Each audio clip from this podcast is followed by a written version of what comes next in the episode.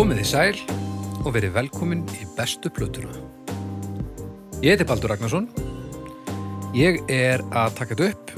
Ég er sá sem ítti á rauðatakkan og ég er sá sem á tölvuna og ég er sá sem á haraldiskin í tölvunni og svo ítti ég á nokkra taka og kerið út og svo setti ég þetta í, næstu internetið. Ég er enda að senda þetta á snæputn og hann setur þetta.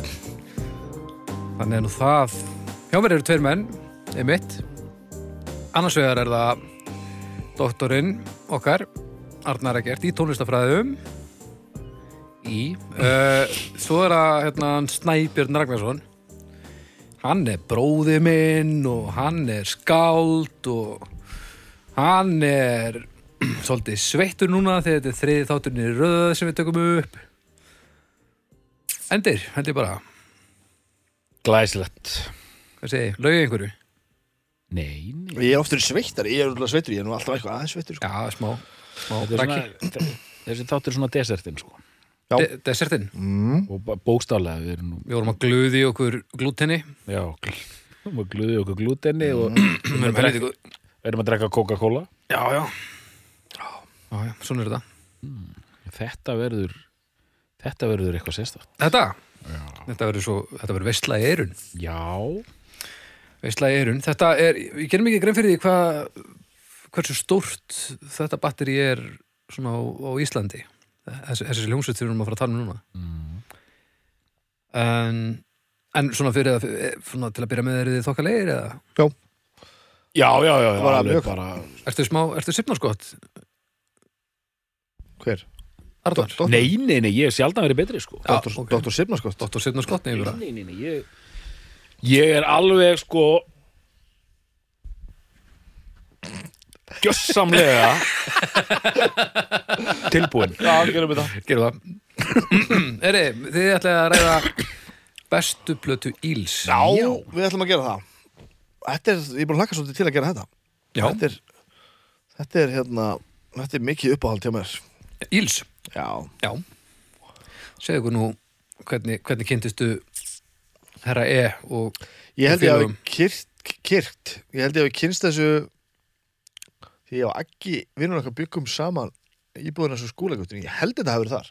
Ég held að hann hafi Hann hafi leitt mér að heyra þetta fyrst sko. Þetta er agalegt Þetta er aggalegt sko. Eða var aggalegt. Var Hann aggalegt. Hann er svolítið svona flavor of the month gaur sko. Já, Þannig að hann er komin í eitthvað annað núna. Mhm. Þetta var mikið aggast Já, þetta er, og, já og, og hann bara leiði mér að heyra það og, og leiði mér að heyra ansi margt. Og lang flest af því var mjög leðilegt já, en þetta einhvern veginn er, er sennilega það sem að ég hef svona já, þetta er eftir. Já, þú veist það er þannig sko, það var nokkuð bönd þannig að hérna, munið eftir hérna I'm from Barcelona. Já, það var, mitt, hann, okay, veit, það var svipum tíma að eitthvað sína með það líka. Já Það það var er svona Ga- Gata doktorinn það er svona allir, allir, allir krakkarnir saman. I'm, I'm from Barcelona, ég held- man ekki hvort 30 manns í bandinu eitthvað. Þetta er bara svona, spila þeir sem geta. Þetta er basically bara kór sko. Skemmilegt Já, já, rest sko. En já, Íls, Já, og hvað viltu hva fá að vita hvað er með? besta plata með Íls? Ég væri til í að fá það er Daisies of the Galaxy.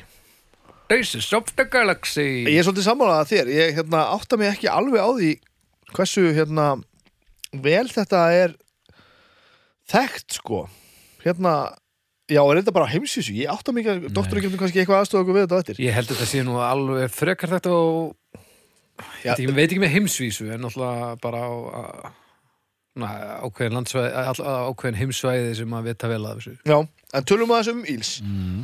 Íls er náttúrulega eiginlega einn maður, sko. Þetta er fallegt að sjá Ég er, ég er að horfa á plötuna sem Pippi er að velta Já, einmitt. Íls er náttúrulega eiginlega einn maður en, en er alltaf, sko, það er alltaf talað um þetta sem hljómsveit, sko. Já. Uh, en samt einhvern veginn ekki. Og hann hefur með þess að gefa út, sko, byrjum á þessu. Þetta er maður sem heitir Mark Oliver Everett. mm. uh, og hann er snillingur ég man ekki eins og hvað hann er, manstu það? Hann er, ég held að sé frá einhverjum svona miðvesturíkjónum, eitthvað svona hann er frá einhverjum bara litlum stað, Já. minni mig en, en það við erum komin með hérna Ó nei, ég er nú er að skrá, skrifa hérna inn Íls Wikipedia, ég er ekki verið sem að Nei, að koma efst sko, Mm. Búm. það er mjög gott Þetta er greinlega mjög stort Það er verið að fletta þessu upp og, og þetta er bara svona einhver gaur, hann er fættur svona eitthvað, ég held að sé fættur 63 63 Hvað ekki? Uh, 10. apríl Virginia, United States Já, já, Virginíu strákur Virginíu stráku og hann er hérna hann er á einhver svona svolítið merkilegri fjölskyldu pappans var einhver svona einhver svona skamtafræði snillingur Já, já, já, svona já. starffræði brjála eða eitthvað Já, já. uh, og, og, og, og svona greinilega svolítið svona uh, og þessi maður greinilega svona, hann er fyrna vel gefin Mhm. en algjörlega heftur Já. ég svona fengi svona frekar svona, svona, svona stíft uppeldi Mhm. en svona skorti aldrei neitt og hann svona Einmitt. talar svolítið þannig í viðtölum sko. Mm. og svo er lífan svolítið svona, svona hörmungum stráð Já, það er ímyndilegt gengið á pappans hérna dóð bara þegar hann var eitthvað um eða undir tvítu eða eitthvað fekk bara, bara hertáfallaldi eða heilablófall eða eitthvað og hann kom að honum Mhm. Já, og svo einhvern tíma setna á fram til sýstir hans sjálfsmorð mhm. og mammans fekk krabba minn og dó. Já, ok. Eða eitthvað svo leið sko. Já ég held að það verið þannig. Eða eitthvað svoleiðis. Alla misti bara alla. Og svo allt einhvern veginn ömur hann fór á tónleika með pappa sínum eða eitthvað þegar hann var lítill með mér langar að segja með The Who. Mm. fekk einhvern leysi leysi geisla í augað og þessum er hann með gleru þetta er allt svona. Hann er bara hann er allt ömulegt sko. Og svo einhvern veginn þú veist, áttar einhverja konu og svo áttar ekki lengur konu og, og það var hann langaði svo eða konu og svo eignast hann aðra konu og, og þau eignuðu saman batn og þá var hann orðinn meira en 50 ára og hann var ægilega hamingju saman og svo hætti hann með konunni og það fór allt í steik. Og þetta er allt einhvern veginn svona. Já eh, við erum að pappans er þetta ekki sirka rétt hjá mér? bara heart failure og mamman styr og lungnakrabba mjög áhugaverð er sko maður ný- einhvern veginn. Já, þetta er sko pappan styr þegar hann er 19 ára svo fremur sýstir hans uh, sjálfsmórð þegar 96 og móð, mamman styr 98 Já, ég veit. Og þú veist, þetta er Já, þetta er, þú veist Ég held að vera 85 þegar hann gaf fyrst út plötu sem var Já, svo- alg, algjört heimaverkefni eitthvað. Svo Svo byttu, gaf svo var frænkans Nú já, meira. Hún var hérna flugfrega í flugvélinu sem, sem var flóið á Pentagon. Já, þú veist, þetta er bara september. svona, þetta er bara allt svona. Það gengur ekki allt upp hjá okkar manni. Þetta er, eitthvað, þetta er alveg stórkostlegt, sko.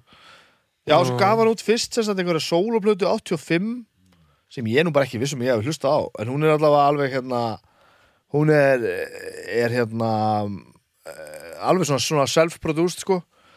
Og svo gaf hann út tvær svona alvöru plötur undir semst held ég nafninu í. Hann var alltaf kallar í að því að það hétu allir það sama í kringum hann. Já, þannig að hann var bara svona aðgerindur þar í fjölskyldur sína og hétt bara í.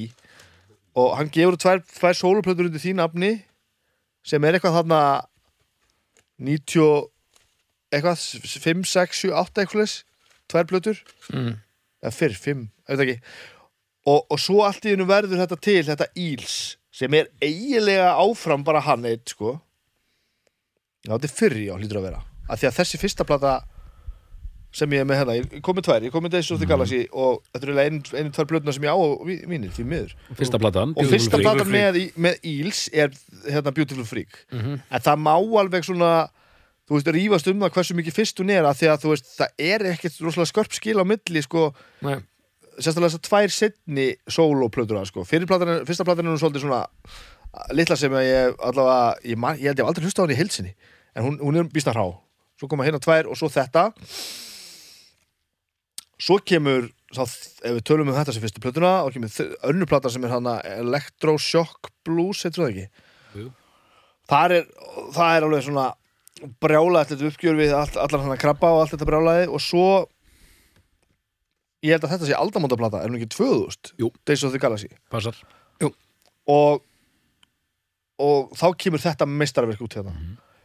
uh, ég En- viðkenni það að þessar tvær hérna þykir mér ofbúslega væntum, mér finnst Beautiful Freak algjörlega frábær Mhm. og finnst Days of the Galaxy algjörlega frábær Electroshock Blues, platan sem er á milli Mhm. ég þekki hana sama og ekki neitt Mhm. sem er leiðilegt vegna þess að að þegar ég fór að lesa mér um þetta þá eru mjög margir sem nefna hana sem bara eina allra bestu plötunars Mhm. Þannig að ég, sem er að sem magnað sko að ég hef ekki einhvern veginn hlustað á það. Eftir þetta, sko ég er það sem búin að gefa út sko 15 plötur sem Íls alveg slatti sko. Eftir þetta kemur út sko er eins og, það er eins og að vera eitthvað pínu óþólumóður Þetta er allt svona, músíkinni hjá Íls er svona töffara, þjóðlaga, Tom Waits uh, smásagna já, svona grúf nýbylgusull ný, nýbylgja, viltu segja það? já, nýbylgurokk ah, Vá, heyrðu þú það, ótrúlega þessu, Já, er, þetta, er bara svona alternative rock einhvern veginn. Þetta er sama á Beck og, og, og svona, svona dótari sko. vá, finnst þið það? já, sérstaklega já, fyrsta platan sko. á, á, já, já. Fyrsta platan er bara er svolítið svona bekklegt bara svona Já, alternative já, rock. kannski þegar þú segir það. MT- MTV dæmi sko. En þannig að þetta er all, allt sem þú sagðir er rétt. Svo kemur Souljacker sem er fjórðarplatan Einmitt. Það er svona, hafið svolítið mist bara þólimaðina mm. Það er alltaf komið fullt að ramaskítar og svona einhverjum voða.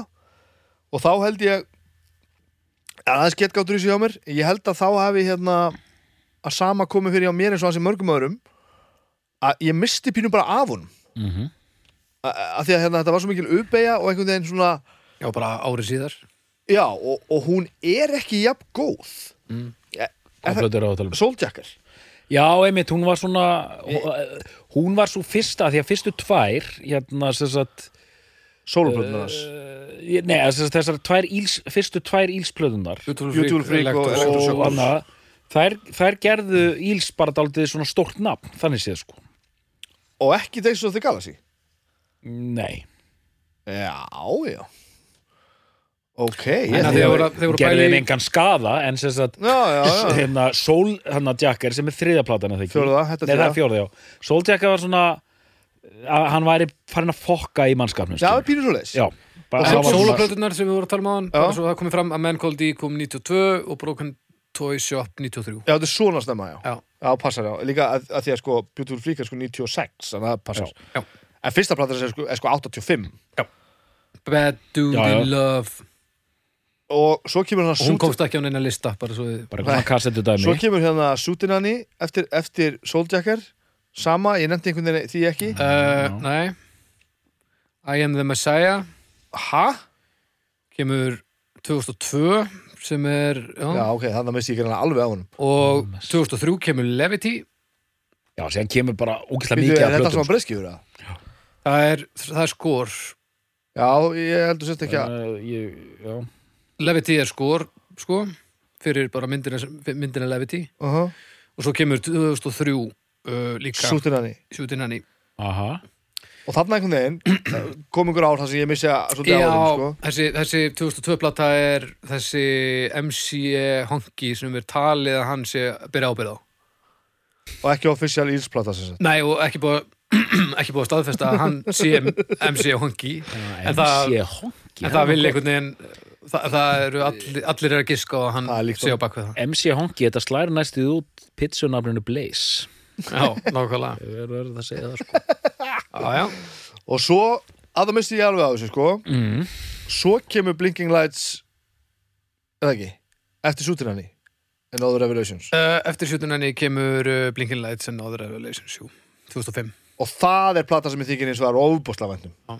ofbóðslega góð plata uh, Svo var ég alveg viðkjörn að ég misti eiginlega alveg þráðinn þarna, mm. hvenær var hún segiru Hún var 2005 og svo 2018 er síðasta platan hans. Ég hlustaði slatt á hana, hún er frábær. Hérna, 2009, Hombre Lobo. Aha, uh, 2010, End Times.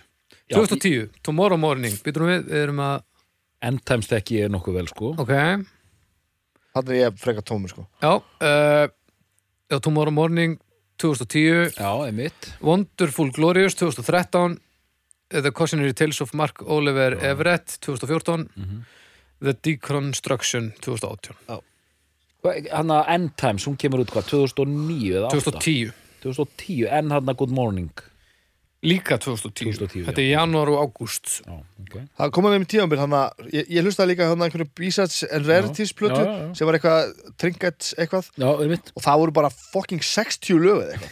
Já, já, hann er ævintýraleg maskina hann semur og semur og semur og semur og tekur upp og tekur upp á miljón Useless Trinkets B-Set Soundtracks Edition og svo tölum við aðeins meira um hann áður en við hérna, ég, ég hérna, gef alveg orðið eftir. Mm. eh,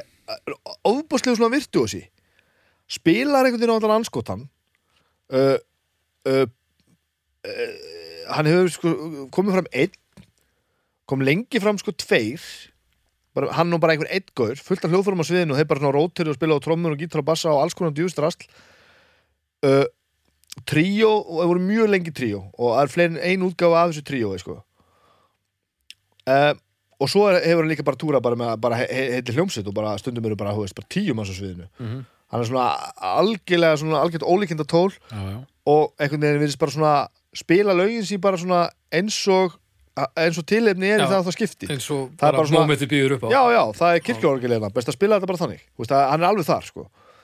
Bara svona henda hérna inn useless trinkets bjöðsitt sætt já. 50 lög. 50 fokking lög, sko. Gaf líka út stórgóða bók. Herri, ég hef ekki lesið þessa bók. Ég lesa hana og hérna ég ætla, ég var að, núna var ég að fara aftur yfir allt saman undirbúið mig fyrir þáttinn. Og ég ætlaði bara, ég ætlaði bara að hlaða henni niður á kindilin og byrja að lesa. Hún er ekki til fyrir kindil nema á þýsku. Verð ég að panta tækifærið. kilvuna því að tekja að- verið til að læra þýsku. Hún, þetta er alveg ágætis bók hann snertir á öllu sem þú- nefndir hann í upphafi sko. ok, ég man samt ekki minnir hún hafa bara verið fín sko, en þetta er hann er mjög sérstakur sko. það sýnir sér gegnum allt. Er eitt sem ég vil lemna á, á hérna, ég slepp ykkur út. Eh, það er svona líkil menn í Íls fyrir utan hann. Fyrstu þrjár eða fjóra plötunar er hann með hann sem að tromma þetta alls saman. Butch, kalla hans ekki Butch. Um, og, og, og það er svona, þú veist jú. Daisies of the Galaxy stendur hérna inn í henni svona, was written and produced by a man called E once named Mark Ol Oliver Everett. Uh, sung and played by E drummed by Butch. Og svo kemur bara additional musicians. Og Butch þessi er heldur skráður í bandið. Fyrstu fjóra plötunar eða eitthvað, getur ekki verið? Það er ekkert membera á wiki hérna. Ekki undir Íls, jú, það er dráður Veitum við?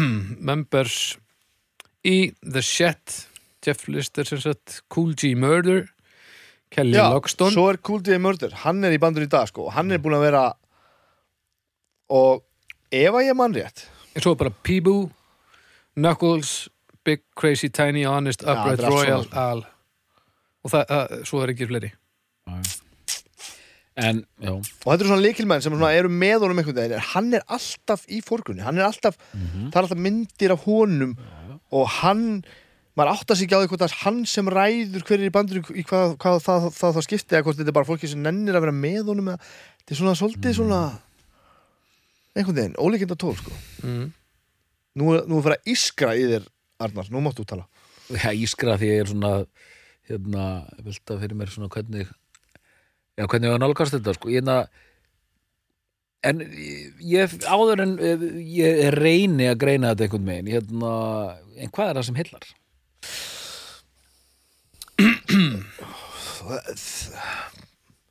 Þetta er bara svolítið rosalega spurning. þetta hylla mig svolítið eins og ekkert annað. Já, já. hann, hann snertir á taugum hjá mér eins og Primus Mhm. og Tom Waits. Þetta er Primus, Eh, Tom Waits og Beck. og Billy Bragg og Billy veist, Bragg. Það er Já, þetta já, sko. já. það er einhvern veginn svona einn gaur og ógæðslega klár. Sögumæður sögumadur, nákvæmlega uh, melodíu og svona húkkergaur Mhm. uh, ekkert að flækja hlutina á mikið sko og kannski svona það sem að hylla mann þegar maður fyrir aðeins að skoða þetta meira er að hann er náttúrulega svo mein gallaður sko. já, já. hann er svo gjössamlega mein gallaður svo, það er svo margt að og hann er svo mikið að reyna að díla við það sko. Svo er líka einn af þessum einstaklingum í heiminum sem að uh, hann er ekki margir til þannig og já, þú Arnar, þú ert náðilega einn af þeim líka. Það er einn af þessum einstaklingum sem er ekki hægt að greiða. Það virðist bara já, já, það er bara, ekki, það er bara sama held ég, hver gerir það eða reynir, það er bara ekki hægt að greiða honum. Þetta er svo indislegt hérna líka þegar við vorum að ákveða þetta hérna við félagarnir farið yfir svona hvað ætlum að taka og Íls lá fyrir sko. Þá náði ég mynd á honum þar sem hann er að borða kleinurring senda á þá bræðuna með eftirfannandi texta sumir eru bara fættir meistar hann er glæsileg hann er alveg Þetta, en, það er glæsilegur. þetta, hann er bara fættur snillingur, sko. það er eitthvað bara svo rosalit við hann og svo Og er rödd. eitt, eitt í viðbót við þetta að hann virðist alltaf senda öllum puttan mm. hann er alltaf sko já, já, hann er, hann virðist ekki alltaf hlýða neinum útgáfufyrirtækjum eða neitt svoleiðis hann er, hann er, hann grillar sko Já. ég sko fyrir mig, ég man Íls er einmitt eitt af þessum böndum sem ég sko fylgist alltaf með sagt með öðru auganu sko og öðru eiranu sko. Sagt ef það kemur ný Ílsplata þá tek ég svona nótis sko. Ok. bara vera að tjekka það sko og tjekka alltaf á honum sko því að þetta alltaf spennandi sko. Já, ég man eftir því sko eh, sérstaklega er, líklega er þetta bara frægasta ílslægið fyrir og síðar hérna lægið hérna eh, Novocaine for the Soul. Já, held ég. Já, upp, upp, upp að slægið á, Beautiful Freak hérna. Before I splatter out din, din, din, din, din, Before I splatter out. Og það lag dettur inn í einhvers konar MTV hérna spilun. Já, og þetta er 1996 þannig að við erum að vinna með það sem Kurt Cobain skapar hérna 91 koma förðulegri músík inn í útvarp.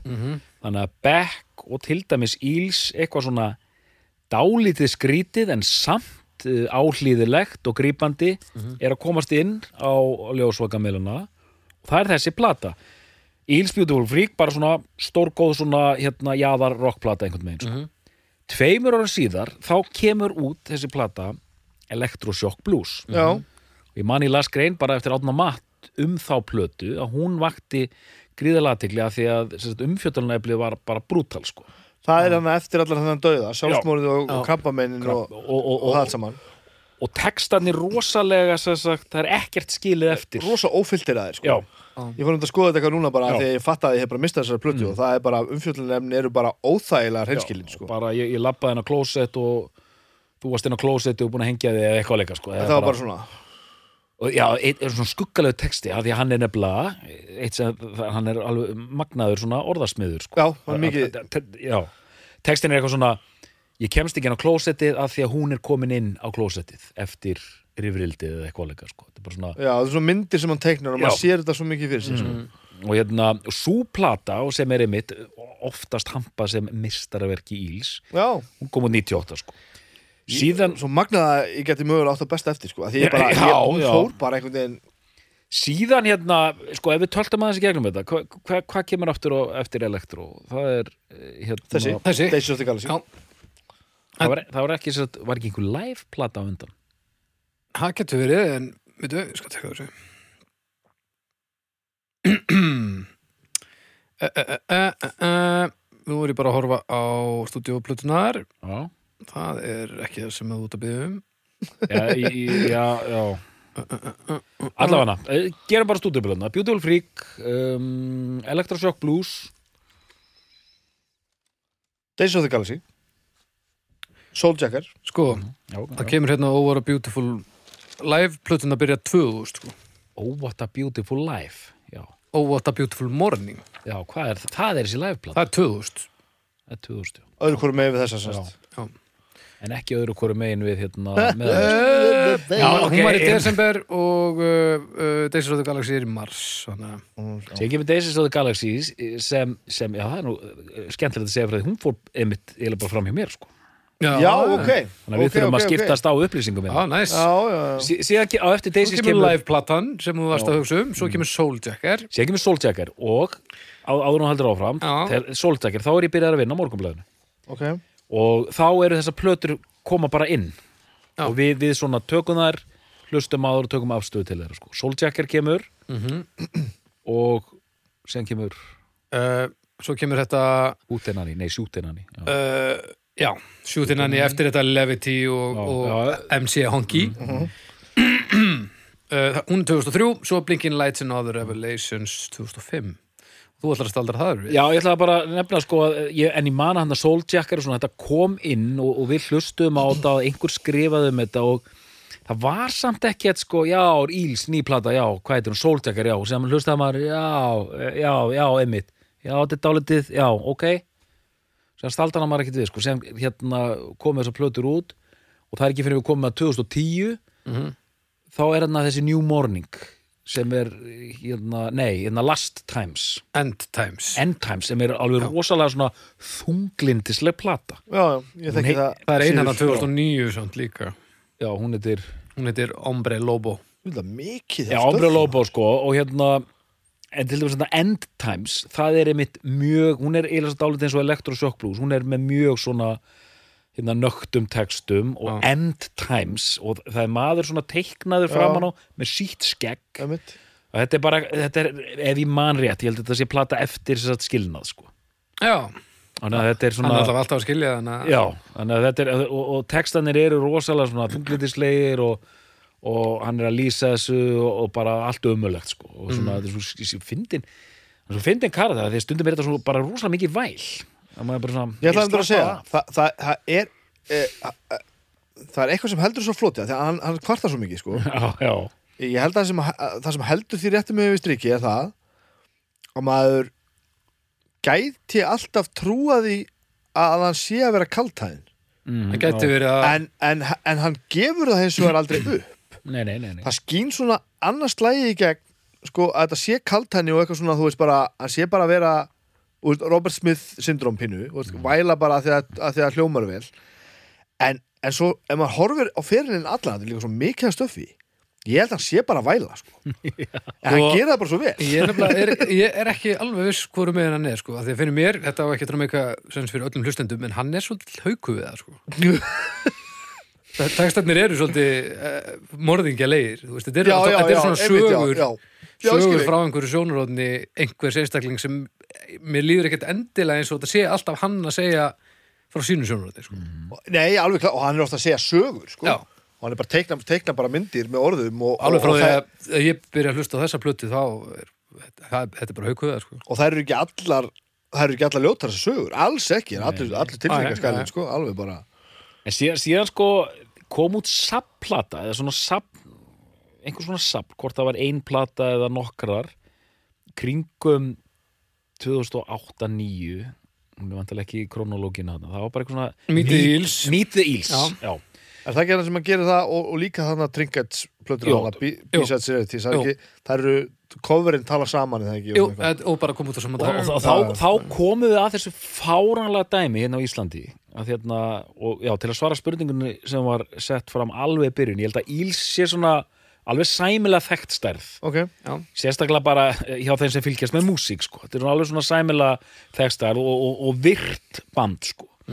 og, og virtur listamaður. Og hann, hann er með öll þessi þetta er bara spennandi dæmi. En það, það kemur þessi saplata hérna Meet the Eels og þá kemur þetta fáránlega dæmi að morgunblæðið er með hérna, þegar ég var að vinna þarna, var með dreifingu upp á 50.000 eintök. En þeir voru svo duglegir, gaurarnir í skífunni Hössi og hérna og fleiri þeir náðu alltaf að græja viðtöl fyrir okkur. Búm þannig að það bara kemur bara, heyrðu, Höskuldur er að hérna, Höskuldur Höskuldsson hérna, heyrðu Arnar, hérna uh, hún er að koma út þessi saplata með Íls hérna, við fáum símaviðtal við hérna Mr. E, eru þið ekki til í það? Við þetta sjálfsögðu. Þannig að ég fekk korters símaviðtal við, við, við þennan mistara sko. Og hérna, og maður bara, já, ok og þannig að og ég, 2008 já, 2008 sko.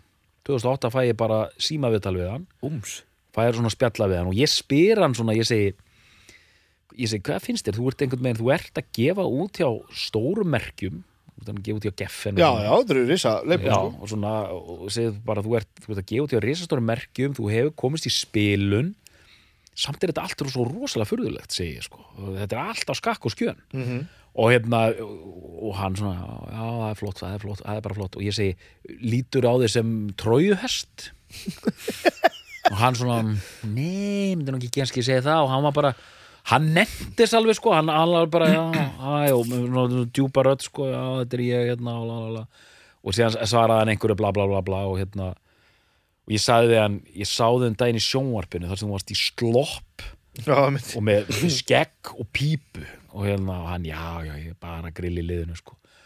Hann, en hann svona var dálítið flatur samt í sörum, sko. Men hann er flattur í öllum viðtölum öllum, Já. hann, hann er rosa svona virðist bara vera svo óbúslega tilfinningarlega bældur, sko, Já. þetta er bara eiginlega allt á, á einu já, registri já, Já, nákvæmlega ég held að grunnstaðan sé allt í skrúðinu sko. Já, og hann einhvern veginn hvort að svo- svona heillanda sem er mú- við músíkina svo textana er kannski bara að það er eitthvað átlett fyrir að því að því að það hlýtur eitthvað að vera að gerast inn í honum þó að sé svona eins og hann er Já, já. Já, þannig Já, að sko, þetta er alveg fáránlegur ferildur henni En hafið þið eitthvað hort á og hlusta á Ils with Strings live at Town Hall? Já, Það er helviti gott. já, já, það er frábært Djöfull er það hryllilega vel gert.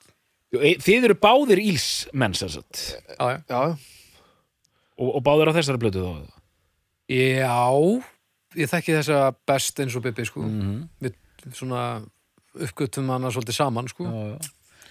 En síðan er eitt sko og ég veit ekki hvort að er þetta honum hvort að þetta lastan fyrir það eða tellja honum til tekna að ég hlusta á allar þessar plötur og svona mér finnst þetta fínt Mm. og kannski ekkert mikið meira það sko. svona Ég, fínt pluss þess, sko, plöturnar sem ég hef hlustað á áður en þessar, þá er þetta svona þessi tvö til fimm lög sem maður finnur sem eru geðveik. Þessi er algjörlega geðveik frá upphæðilega. frá uppáðilenda mér finnst þetta þessa báðar Mér finnst Beautiful Já, Freak Beautiful Freak algjörlega frábær frá upphafi til einstaklega. enda. Já. Já, að því þetta er líka, sérstaklega þessar setni plötur, það, svona, þetta er meira finnst mér bara svona, þetta er bara svona sándið sko þú hlusta á nýju plötuna mér finnst eins og ég hafi rentinni en það getur verið mistökkjómar Það, það, það, það hún, hún, hún er einhvern veginn náði mér algjörlega sko. ok, fló algjörlega brill en auðvitað náttúrulega þú veist hann svolítið, svo- svolítið kannski að gera þetta sem að útgáfu fyrirtækin ráða manni frá að gera. Mm. eins og Nick Cave var til dæmis að berjast við leibúli sitt sko að gefa út svona mikið. Já, að því þú gefur út plötu og svo bara áttamánuðu setna gefur bara út aðra plötu svolítið svo vísir já, já. Og þetta er svo svipað að einhvern veginn sko, þú sem neytandi þér finnst bara þú, þú þarft bara ekki meira íls þú fegst bara skamtinn fyrir sko Já. síðan að þú veist að hann er ekki, hann er ekki að fyrir pjólið í kvætskipti þú veist, og, og, og náttúrulega eiginlega öll músíkina sem er þannig að það er hægt að spila þetta bara og kassa getur að syngja Já, Þú veist, já. þetta er sami þannig og, og Já, það, reynda að segja belgum hafinur. Blinking Lights and Other Revelations, kemur Já. 2005, sjönda sett á topplistanum í Belgíu. já, Það eru orðið alveg gjörsamlega bandbrjálaði 2009 þegar loksins kemur ykkur nýtt. Ombre Lobo, beint í fyrsta. End Times, annað. Tomorrow Morning, fyrsta. Wonderful Glorious, fyrsta. The Cautionary Tales of Mark Oliver Everett, annað. Og nýja, The De- Deconstruction, fyrsta. hvað Belgar lepja er ég alveg upp bara eins og rjóma og skál. sko. barón í Belgíu það er Já, já, já. glæslegt En svo eru aðrir bara eitthvað í meðalmennskunni, sko. En ég, þú veist, já, ég, þetta er Mér finnst það líka ábúrslega heillandi hljóðfæraleikari Mér finnst þetta, mér finnst þessi hljóðfæra nótkun og svona skemmtileg Þessi kassagítur og kapó og eitthvað svona, þú veist Mm, já, já, Þetta er svolítið svona bara John Denver feelingur í þessu, sko sem er, Mér finnst það saman skemmtilegt með hann og mér finnst með Beck að maður gengur aldrei að hljóðheiminum. Maður veit aldrei hvernig lægið með hljóma fyrir lægið byrjar. Þetta er ekki, hann er ekki búin að finna sinn hljóðheim sem hann heldur sig í. Já, Heldur stekkur hann á milli, tekur svolítið bara lag fyrir lag, bara já, ge- gerum þetta svona og gerum þetta svona. Bubbi sá, sá að spila í Kaupmannhöfum eitthvað tíðan fyrir, veit ekki, 10-15 árum eða eitthvað Mm -hmm. þá voru tveir og a- með svona fullt að drasla sviðinu og hann sagðist hafa upplifið þetta eiginlega þannig að þeir vissu ekkit alveg eins og almennilega ákveðar að spila áður en að lagi byrjaði sko. Já, já. Mm, mm. þeir bara voru með eitthvað orgel og eitthvað gítar og eitthvað trommusett og það, það lágu þeir væru bara svona eitthvað aðeins að plotta þetta svona með þeir var að spila og hann sagði, hann var nú ekki, ekki mikill svona sérstakur ílsmaður þá sko, hann fór nú meira svona því að að þegar við höfum verið að tala svona mikið um þetta hann sagði að hafi verið alveg sturlað gegn sko, bara algjörlega briljant Ég væri ævinn til Já, að til ég ég að sjá þetta. Sko. djúvill var ég til að sjá þetta Já. Ætli kemur margir á Íls á Íslandi? Eyvindur Karls kemi Já, Við getum talað mikið saman um Íls þegar við Já. Ég veit ekki, er þetta ekki bara svona aðeins færri en þeir sem fara held að myndu mæta? Er þetta ekki klassist þannig? Dænu 70 bara. Það er svona 200, 200 Já. setja bara græna hattinn Ó, du, ég er til í það. Það var ekki að Djöfull var ég til í það. Haukur Haukur, græja þetta. En hvaða skoðun hefur þá þú, veist, þú, þú ert ekki í svona Þið finnst þetta bara rosa áhugavert? Þú ert svolítið svo mannfræðingur að tala um þetta. Nei, ég myndi segja að ég sé alveg sko úst, ég, hérna eins og ég segja sko ég, ég fylg, fylgist með honum og ég einhvern veginn Já, ég, þetta er bara svona eitt af þessum böndum sem eh, sko, og þá meira einmitt, ekki svona kaldur mannfræðingur, já, þetta er aðeinsvert mér finnst þetta spennandi, mér finnst það er eitthvað við þetta sem ég var alltaf að fíla sko, og ég var að reyna að hugsa um þetta þó að sko einhvern veginn, og ég fíla bara er, bara eh, stemninguna í kringum þetta band einhvern veginn, sko. það er ekkert endilega að vera sko ég man ekki eftir lögunum eða man ekkert sérstaklega eftir einhverjum ákveðnum plötum það er bara, það er einhvern veginn mér finnst þetta bara mjög spennandi sko og bara ég veit ekki, kannski bara því eftir ég tók þetta viðtal þá eru menn svona í, á, á, með ákveði pláss hjá manni sko já, já. En mér finnst þetta að vera, hann er mjög bara og ég virði svona, þú veist, svona listamenn sem er að starfa sko á þessum fórsöndum, er að starfa svona inn í meginströðunum þannig séð, en er að gera eitthvað furðulega hluti og einhvern veginn púlaða alltaf Já. sko, það er magna og mér finnst- það bara alveg Þetta magnað, eru helvítið langur tími, sko sko. Já, þú ég var, svona ég var að skrifa þetta að ég var að, var, var, var að pæla þessu fyrir þáttinn sko. að það hann hefur eitthvað hjá manni að- maður hefur svona sympatíu Mhm. maður vill á honum gangi vel Já, fatt ekki hvað er að fara maður svona, ma, maður svona langar að þetta verði bara sama með Beck þannig til maður átti að segja að ég var í vísindakirkjunni ég fæ ekki þetta mér Beck er popstjarna sko Já, en við minna, þegar maður byrjaði að hlusta á Beck maður ég er bara, ekki popstjarna hann er, nei, hann er bara minngallar ég var aldrei svona, svona sko. hátt upp á Beck-vagninum maður. ég fannst þetta bara voða fínt og búið sko. Já, ég, ég var náttúrulega aðeins, ég var yngri þegar ég byrjaði á því sko. svona heipa kúl sko. Já, já, þetta var Já, ég meina, ég, meina, ég er bara svona þetta er eitthvað svo þetta er, þetta er, þetta er algjörlega hlýðstæðu löst, mætti segja, sko. E, ba, já, takk fyrir að taka frasan að mér. Takk þú hans bara, já, já, ok, flott. Þetta er á vottun, sko. En, og náttúrulega, auðvitað náttúrulega hefur hann Tom Waits elementið að hann hljómar eins og engin annar. Þú veist, röddin er hann svo mikið giveaway, þú veist, Já, já, þessi r- rispa svona einhvern veginn óhlý, óáhlýðilega rödd einhvern veginn. Þetta er líka sem bara, þetta er svo fyndið, þetta er veist, að sjá hann og að heyri í honum og svo hvernig lögan er að semja eitthvað, þetta er eins og hann að við sko komið til greina þegar að vísir voru að byrja en svo vildur ekki hafa hann með að þegar hann var svo hellaður og hann bara eitthvað svona fór bara í sloppinn og, og er bara búin að vera að reyna að vera í vísir nema bara, En það er eitthvað tvist í þessu að því að gaurin er algjört úbernörd mm -hmm. Og einhvern veginn bara svona sem ykkur svona frekar svona eh, serviskulega tónlist. Já, já. flytja hann á svona serviskulegan hátt með svona og trommusándir og svona, svona klonkin og já, já, einhvern veginn svona þessi heimur einhvern veginn.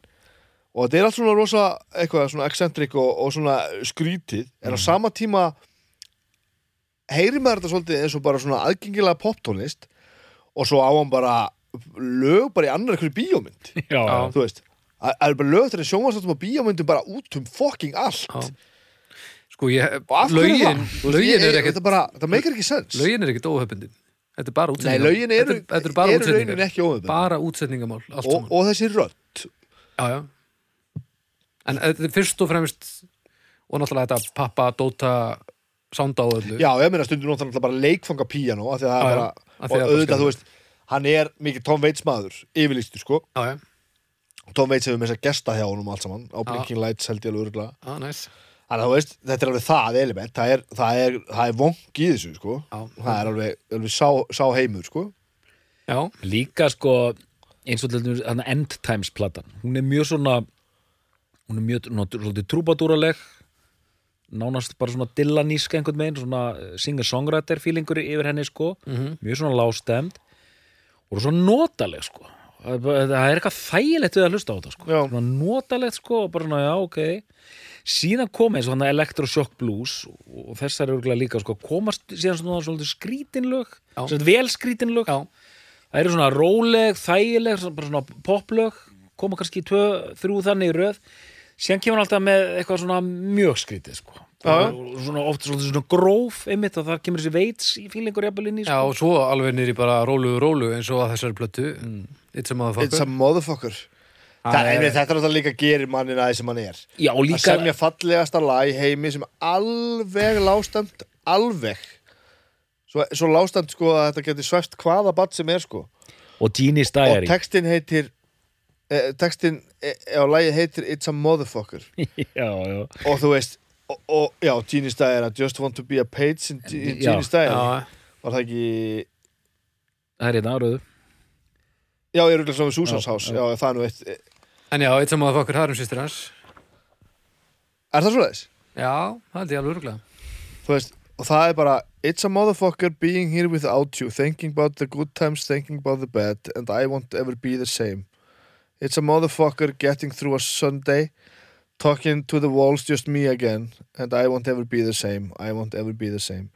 It's a motherfucker how much I understand The feeling that you need someone to take you by the hand And you won't ever be the same. And you won't ever, won't ever be the same. Geðveikt lag, sko. Lægi er algjörlega sturlað. Já. Textin er fallegri heldur en allt í heiminum. Og það þurft að ritskoða lagið. Ég held að þetta sé, þú veist, hjartað í, í honum, sko En eins og þessar nýjustu plötur, eru þær ennþá að koma út á stóru merki? Góð spurning. Ég haldi ég. Hlýtur Að það ekki að vera? veist, Ég held að bara, hann gefur bara út það sem hún sýnist eftir srekk, sko. Það er öllum segmendunum Bara, hva, Hvernig má það vera? Samt en svo ekki, hérna, áar ekki meira að minna Samtrekki og það er einhver Jim Carrey mynd. Uh, Yes man, Já, það ekki? Label E-Works og PS Eworks er svona vanið til leibúl Það sem hann gefur út bara einhverjar liveplötur sjálfur sem hann selda tónleikum og eitthvað. Og PS Recordings. Já, já, þá kannski hættur á þessu. Í Belgíu. Ah. Já, það er með P.A.S. P-E-A-S Já. Já, P.A.S. Play it again Sam. Já, Hérna, Já, það er bara þess það er ekkert skrítið að belgar séu að lepin upp. Mér er svo merkilegt sko að fyrsta platan hann, Beautiful Freak að e- einhvern tímann hefði þetta bara verið bara one-off skilur að því að 96 þá var þessi stemning F- pínu furðuleg músík en samt gefið út af stórum merkjum sko. Já, já, Dreamworks, Vagrant. og Víser og, og fleira sko. já, já, þetta er- þetta er- þetta er í því, sko. Hann er búin að vera að hendast inn á milli Dreamworks Og Dreamworks og uh, fer síðan yfir á Spinnart, svo yfir á Plexi svo Dreamworks aftur og Vagrant alveg fjórar ert, Fimm. er, ertu nokkuð ertu tengdur við hérna, Spotify þannig Er þið tengdu við Spotify? í síman Ég er að segja að þetta er svona framtíðarsými sem er tengdur alheimsvefnum og uh, ég, get, ég get opnað Spotify já. já, já, já, hérna Hvað, viltu heyra, nei, nei, nei, nei, nei, ég er smá leik sko, ég er hérna Já, ok, já, þú ert tengdur þú er, að- með, þessi, þessi vél hérna sem þú ert að horfa á. Hún er tengd við internetið. Það er sagt svona, svona sem er út um aðra plánutuna nema Ok, sem staðar ok, ok, ok, ok, ok, Æ, æ, hérna, ég er búin að ná sig Hvað er með það, hvað er með það? Hérna, ef þú slærið inn íls í, í hérna Spotify Búin að því. Hérna, leitar hérna ég, ég, ég ætla að giska á related artists. Já, er, Myndir okkar það það að myndin okkar. Bara með einhver loksugugliru sko. Loksuðugleru, mottu sem geti drepjum hann Það er alveg glæsilegur. Sýndi okkur þetta aftur. Þetta er ótrúlega mynd, sjáu þetta? Hann er snill sko. Já. Ég vissum að þú ger, ferði í related artist í, í, Fans also like ska, ég vissum að það er Víser og uh, ég vissum að Víser og Beck koma upp. Tom Waits lítur að vera. Hvað kemur í Fans also like. Erum við Já. að tala um það frekar en það telur sér satt já það er sama held ég sko. Ok uh, Já The Dandy Warhols. Mm. Badly Drawn Boy. Ú, Já. Mercury Rev. Aggi hlusta á það. Pleðilegt Granddaddy, já. Mm Gomez. Sparkle Horse. I Am Clute The Beta Band Tindersticks Doves Supergrass og The Flaming Lips. Badly Drawn Boy, það kemur ekki ávart Nei, það kemur ekki á óvart, en, en- breska útgáfuna En uh, þetta var hins vegar allt saman ránt hjá þér en, þetta gefur ykkur hins vegar eitt. Við vorum á hérna Fannstu þetta fyrir tilstöðunum internetsins? Já, já, já. þe- Þetta gefur ykkur hins vegar eitt. Við vorum á, á, á, röng, á, á rángri slóð Hvað var það hlustenda Sko Hann er ekki eins vinsætla við höldum. 1.210.346 sem hlusta á hann mánaðarlega á Spotify. Er þetta, sko, þetta er köld. Er þetta ekki köld Jú, listamál? þetta er, er er og í samhengi Köld fólki hlustar ekki á vísir sko. eh, jú, það, eh, Pínu, en, en skilur Við vorum að giska á einhvern sem að hlustar á, leitar minna tónlisteldur við. Þa, það eru næst já, það eru 450.000 sem hlusta Badly Drawn Boy mánaðarlega. 1,2 á Íls Já, ok, ok, ok, ok. Það gefur ykkur eitthvað. Og um, hvað vorum við með annað hérna? Bara, bara eitthvað, eitthvað sem er risa stórt í samminginu 1,6 sem hlusta á á hérna Flaming Lips. Já, já, ok, ok. Og Þannig hann er þetta stóri já. Supergrass er með tvær Já, já, ok. Já, þannig að hann er, er alveg- hjút virðist vera. Já, já, já, ok. Já, flaming leaves, það er svona flipparar. Það er mjög gott, alveg síðan við opnum Spotify þá hafið þið bara verið að tala út um þarminn okkur. Já, við erum bara að segja eitthvað, eitthvað drast Það er gott, gott hjá okkur. Við erum ó, já, Hvað vil ég vita meirum? við erum ó gamlir. Ég, ég var ekki að kveikja að væri hægt að, að, væri hægt að hérna, hafa Spotify í símanum. Já, ég er að grínast sko. Ég sjálfur með Spotify í símanum Ég- Já, ég bara er ótrúlega þess að þetta Spotify hafa síma í Spotify tækinu sínu, þetta er bara klikkað. Um, Já, byrju, hvar, hvar voru við stættir? Við vorum stattir í höfninni. Við vorum að tala um hvernig getur verið á sett svona mikill uh, jaðarmaður og samt já verið í öllum þessum bíómyndum og sjónvastáttum og veist, er ekki, þetta er þessi kontrast sem einhvern veginn gera það svo heillandi. Þú veist Já, er, en það er alltaf það, það, sem við erum, að- það er alltaf svona eh, samþykti flipparinn af bólun Bólurinn samþykir alltaf smá flipp Já, að því að þá líður honum betur með að hann sé svolítið edgy sjálfur. Já, þetta, er ógeðslega aðgengilega leiði til þess að vera wow. nákvæmlega. Já, já. Þú veist, fyrir þá sem að get ekki hlusta á Tom Waits þá er þetta svona samhita til að láta vera dætti aðeins í hipsterinn sko. Já, mögulega, það er mögulega rétt sko Hann er alveg skítuð líka sko. Já, og rámur. Samþykt flipp, sko. Þetta er mjög, mér finnst Þetta þetta er- alveg heillandi dæminu En svo fyrir við hérna inn á Facebook og þá eru 264.000 manns sem eru búin að læka síðuna. Þetta, er- Það er ekki stór, stór tala sko. Nei. Þetta er, þetta er ólíkinda tól sko. Já. Og heillandi við hann, hvað hann er ótrúlegt ólíkinda tól. Já. Svo, veist, einmitt eignast þetta batn og allt fyrir skrúuna og, Já, með skosku konunni. og hann var sko í, hann, hann, hann, fór, hann fór í pásu sko 2014 til 18 held ég. Mm. bara fjögur ár þar sem hann gerði ekkert. Ég held að hann taki bara einhverja svakalega dýfur, sko. Ég held að það sé málið, sko. Ég er í viðtal við hann þegar maður verðist vera stildur ný skilin við konuna hann Já, og manni leið, einmitt, eins og maður var að hlusta á viðtalið mann sem að, þú veist, vissi bara ekkert hvað maður gerði við tilfinningar. Hann fann bara rosalega mikið af tilfinningum greinilega og hann bara gæti ekkert komið í frá sér. Hann var bara einhvern veginn bara var bara einhvern veginn svona að reyna að segja eitthvað sko. það var ótrúlega áhugavert að, að heyra hann tala sko. já, greinilega alveg ótrúlega mannlegur og briskur og voðalegur. Já þetta er, þetta og er fallegur. erfitt að vera hann en, en hann er klár. Já, og, og, og, bara, og augljóslega í gegnum allt og textana svo svona þá er hann au- au- augljóslega bara meira enn klár. Hann er greinilega bara er hann ekki bara einhvers konar ofviti? Jú, jú, ofviti. Er þetta ekki eitthvað svoleiðis Það væri ágætis orðið við þetta, svona of- ofviti, sko. Og þú veist, eitthvað tímann að því vorum að tala um víser og svona og, og fara aðeins aftur tilbaka þessum kallað er hérna gáfumannapopp Já, þar sem menn eru með svona clever hérna texta og svona og oft svona einhvern veginn of, of klárir sko. Mm.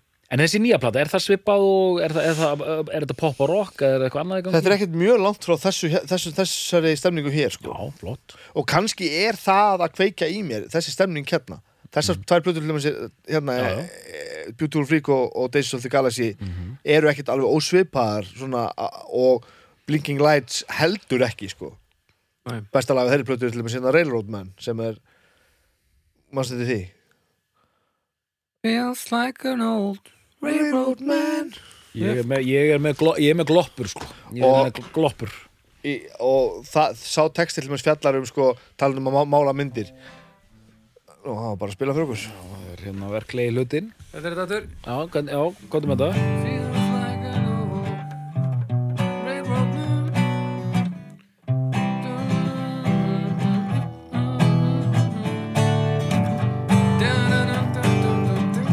Whistle blows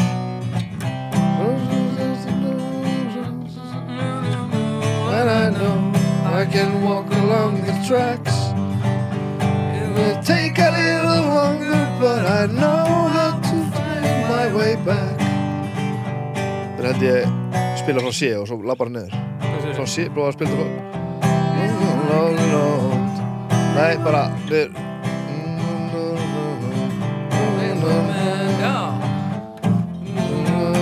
the best that he can. Svo kappa upp á fymta eða eitthvað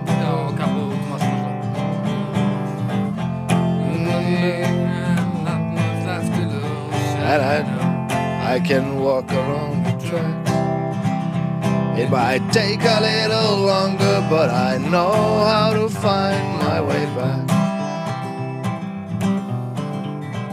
Og þessi texti fjallar um sko að einhvern sem er, veit ekki alveg hvað hann er og honum líður ágætlega með það. Og hann er eitthvað þetta heitir Railroad Man og, og hann veit alltaf, hann kemst alltaf heim að því að hann þarf bara fylgja í ábyrgðaterfum það getur tekið aðeins lengri tíma en ég kemst þetta alltaf heim sko. og þessi mynd er bara svo þú veist, maður sé svo margt fyrir sér þetta er, svo, er veist, fullkomið. þetta er nefnilega fullkomið. Og, og þegar hann hittir á þetta þá fann maður bara svona, nei, anskoti þetta er rosalegt maður.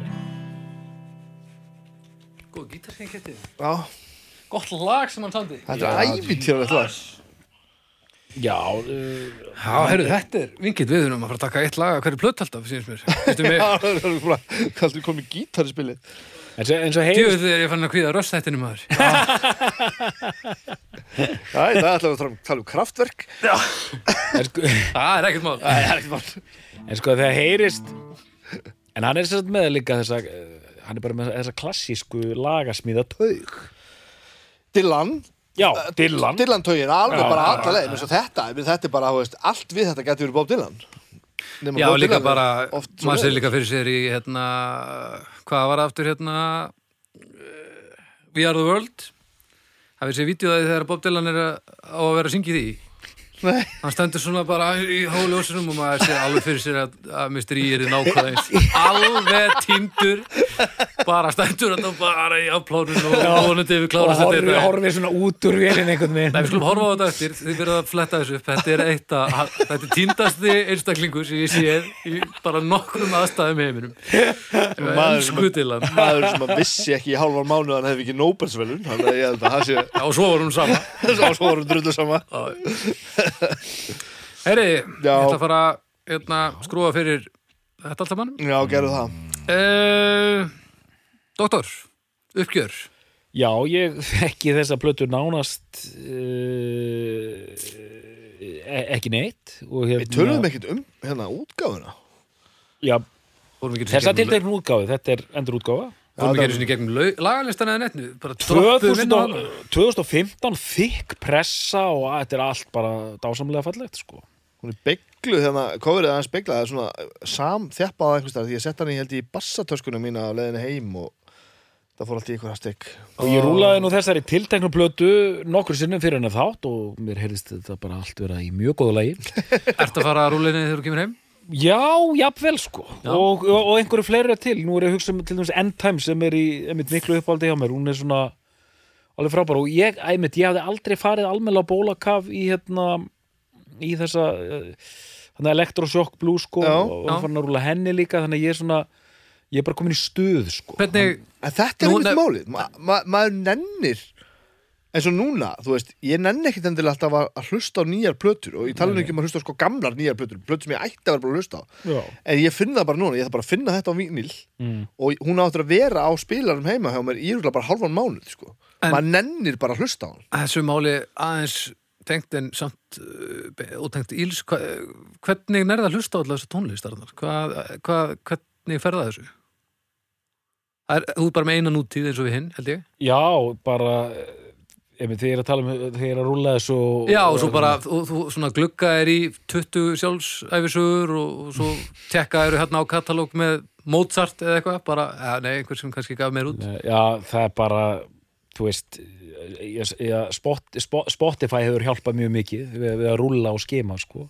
og en ég, auðvitað- ég hlusta allan sólarhingin sko.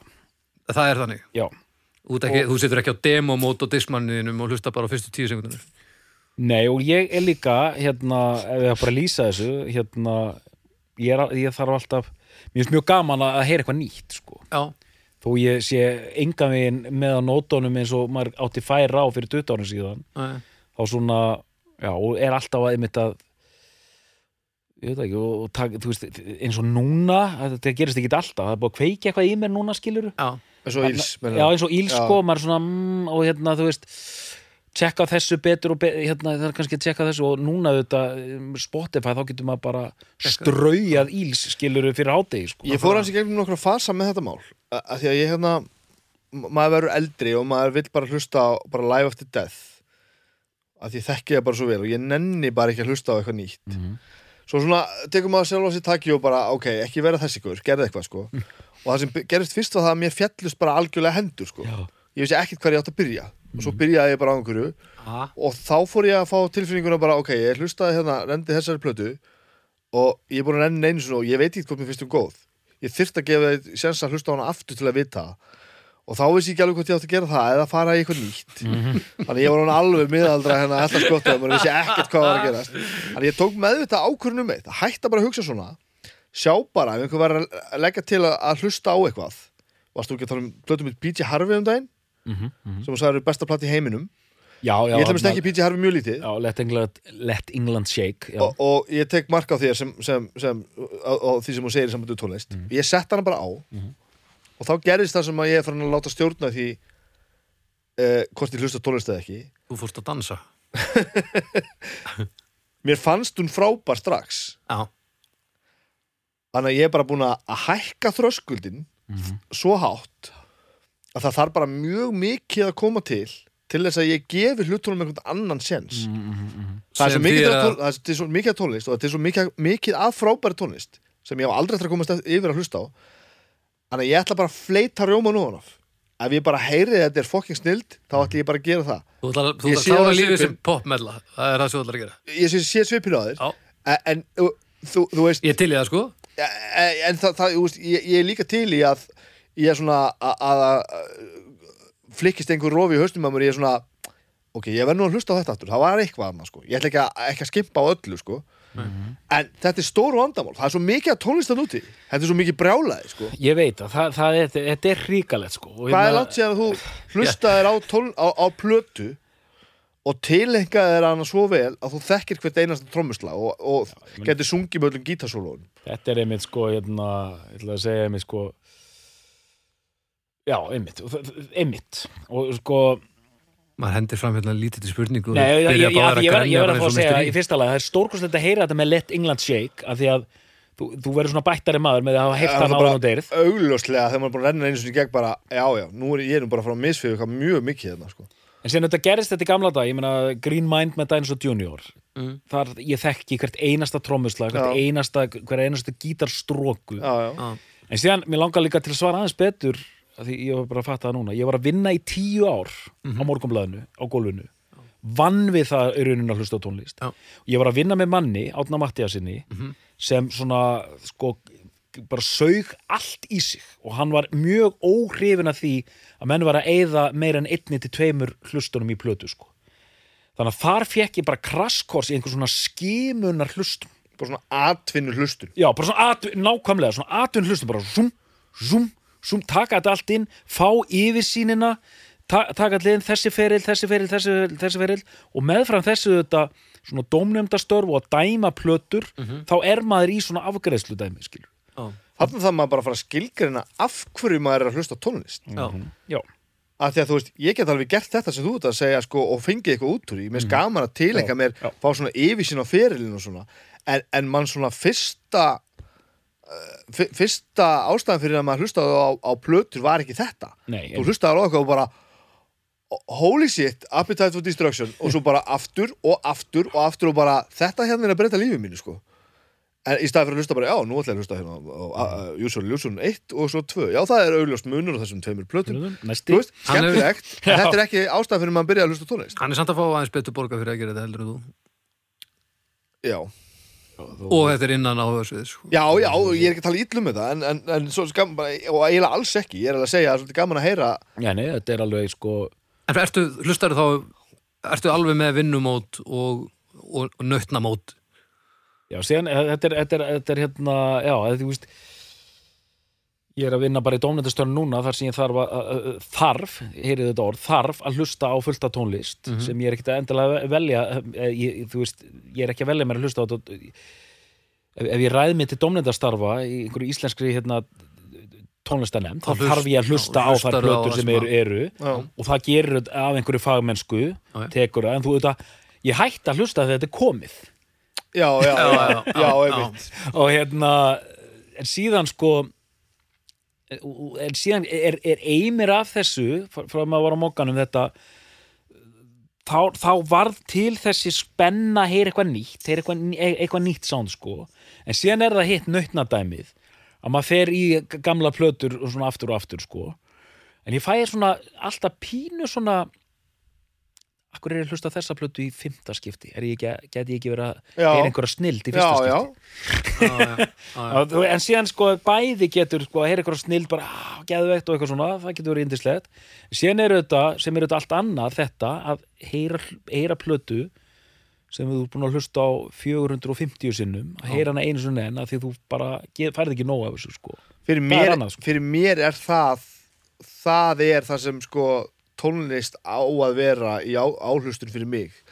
Það eru þessi, þessi besti, besta tónlist allra tíma sem þú setur á í emitt þúsundasta skiptið og, og þú fer Tek- bara í eitthvað ákveðum mót. Tekur þátt þú þekkir þetta sko. allt saman þetta svo og vel, þú veist, sko. þetta, bara, þetta er einhvern veginn partur af þér sko. Já, ég er að samast það sko. En síðan ertu þetta með, ég, ég trúi ekki öðru en sko þið hlusti líka á nýja tónlist. Já, það er bara alveg og, klára og hérna Minn en ég ætti að gera.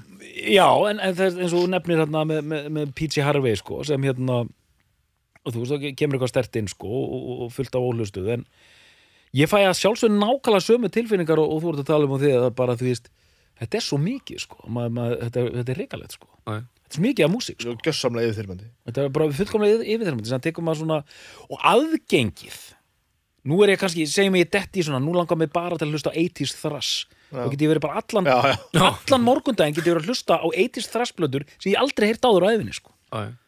þannig að svona mm, Svo er líka mjög fyndið sko uh, þetta með að þekkja músík svona óbúslega vel og einhver plata sem að þú bara, þú veist, þú finnur bara lyktina úr gamla herbyrginu þínu því að þú hlustaði svo mikið á hana þar og allt þetta, þú veist, þú þekkir hvert einasta slag og þú veist þú ert svo rosalega á kafi og heilin í er bara búin að, að búa til bara svona eftirprent af plötunni Ég meina ég fæ Warhammer málningabræði í munninni þegar ég hlusta á Stranger in Fiction sko. Já, nákvæmlega. Að þú Það er varst bara alltaf að drekka Warhammer málingu þú varst að Lítra tali að hérna að, að svo fer maður að búa til tónlist sjálfur og við tökum með plötur ég hef ekki til dæmis ekki hlustar þetta svolítið mikið á skálmöndarplötunar ég er bara- bara, þú veist hvað heldur maður sé bara að hlusta ofta á skálmöndarplötunar Ég fæ skipalagsbræði í munnin alltaf þegar ég hlusta á skálmöld og svo kemur fólk til manns sem að upplifa það sama með tónlistarna manns og ég var að lýsa hérna áðan.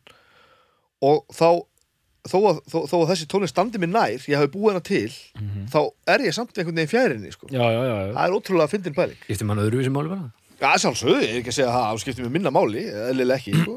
Nei, hún svona missir svolítið svona svona þegar hún kemur bara úr haustnum á manni eða eitthvað. Já, já, já, auðvitað, En sko. síðan er en ég er kannski líka að hugsa um plötur þess líka. Þú Já, já. Það er bara ekkert jafn gaman að hlusta á sig eins og aðra Nei, nei, það er satt. síðan er svo fyndið, hérna, þið kannist öruglega við þetta maður kannski, ég lendi stundum í því maður á okkur að vini hérna á Facebook og svona og, eitt, þú veist, og sko. veist, nýtt black metal nýtt hérna thrash metal, nýtt uh, rock og maður svona, þá er ég komið þess að til já, já, ég, ég er til þetta, ég er til þetta. Mér langar að he- heyra nýju hérna heit plötuna, hérna pólska döðurokksbandi eða þú veist, mér langar til að heyra á Katatonia, er ný plata frá þeim já, aðeins að tjekka á þessu, bla bla bla bla og maður fer að stað. Síðan þetta enda maður bara með Realm of Chaos með boltróður í. Að maður, maður er komin í þannig stuð þá bara fer maður að hugsa nú er að heyra þetta og þá En þá er bara ekki spennust ég er svo hátt, sko, að þú hefur ekki tónlist fyrir að fara til eitthvað eitthvað nýtt. Þú vilt bara vera brjálaður. Jó, er Hermans, Jó, Hermans var drullið við mig að því ég þekki boltróður ekki neitt Það er ég, veit ekki. Hann brjálaður við mig Veitu hver- hver? Jóhann Hermansson, ég veit Já, já, já, já, já vinnu minn, vinnu Já, minn, já. á á Facebook sko, nákvæmlega, já, já, það hann, hann er boltróður maður algjör já, hann er alveg brjálaður á þetta Ég misti En, alveg að bóttróð. en munið eftir því þegar þessi þáttur var um Íls Já, Já, þetta var góð, gott hliðaskef. þetta var mjög gott, sko, mjög mikilvægt Íls um, Þú varst í einhvers konar uppgjöri ef ég maður rétt. Já, bara uh, Á lífinu, Já, ég, ég, við uppgjör á náttúrulega svona ég, ég, ég, ég, ég rúlaði þessari plötu fyrir þáttinn og mér sýnist allt verið lægi hér. Já. og hérna og hérna, já og bara Þetta er allt í lagi. já, allt saman indislegt og og þó að uh, íls, þó, þó þeir séu hálir sem álar þá Holy moly, segir ég nú allt gott hér yfir, yfir, til, yfir til þín. Snabbi, uh, Ég er einhvern veginn bara oft finnst mér þessi svona eins og umræður okkar hérna, svara spurningum. Ég er svona afsaki ég er með pitsuleifar sem ég losa tönnum á mér alltaf og svona ég einhvern veginn svona næja lenda svona því af hverju mér fannst eitthvað einhvern veginn sko. Þessi þáttur er einhvern veginn bara að kveikja fleiri spurningar hjá mér sko. Þetta er, er rosa erfitt að setja fingurinn á það, akkur þetta er svona snildarægt fyrir mér er þetta útsendingarnar. Veist, Ég get hlusta á ílsplötu og ég veit ekki hvernig næsta lag hljómar út frá læri sem ég er að hlusta á. Ég er nokkuð viss um það að mér finnist Íls ekki svona frábær ef ég hefði bara hlustað á plötunar og vissi ekki hvernig það væri tilkomið eða, eða eitthvað um mannin eða eitthvað svoleiðis. Ég held að tónlistin ein og sér sé ekki nema svona 80% af þessu. Ég held að sé meira heldur um bara músíkin hvernig hún hljómar á plötunni. Ég held að sé að hafa áhrif, skiljiði mig, hafa áhrif á mig þetta er, þetta er, Hvernig þetta er allur pakkin sko. hvernig ég hlusta að mér finnst þetta svo áhugavert allt saman.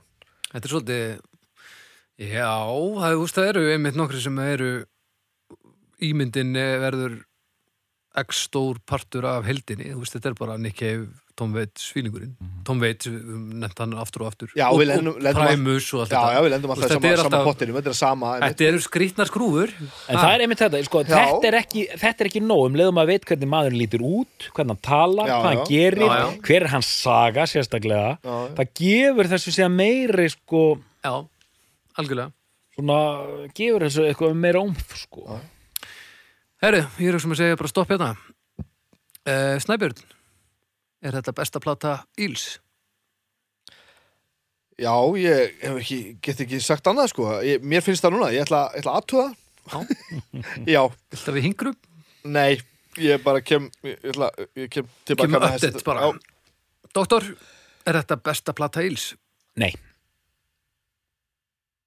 Við þökkum fyrir í dag og við heyrumst að Herðu, viku herðu, liðinni. herðu, ég verð að fá að vita hvað er besta Við, plata þak, við þökkum Þetta er galla formátt á þættinum Ég verð að fá að vita End times. Hann sagði það á hann sko Besta plata Íls er End Sagður það?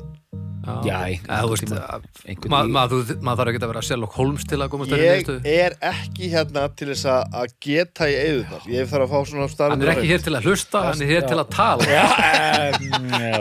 Já. Best, já, besta plata Íls og, og þökkum- í miklu uppáldi á mér er, er End times, já. takk. Uss, það er hérna tvær þykir með Við þökkum fyrir góðir Við þökkum fyrir í dag og við heyrumst að viku liðinni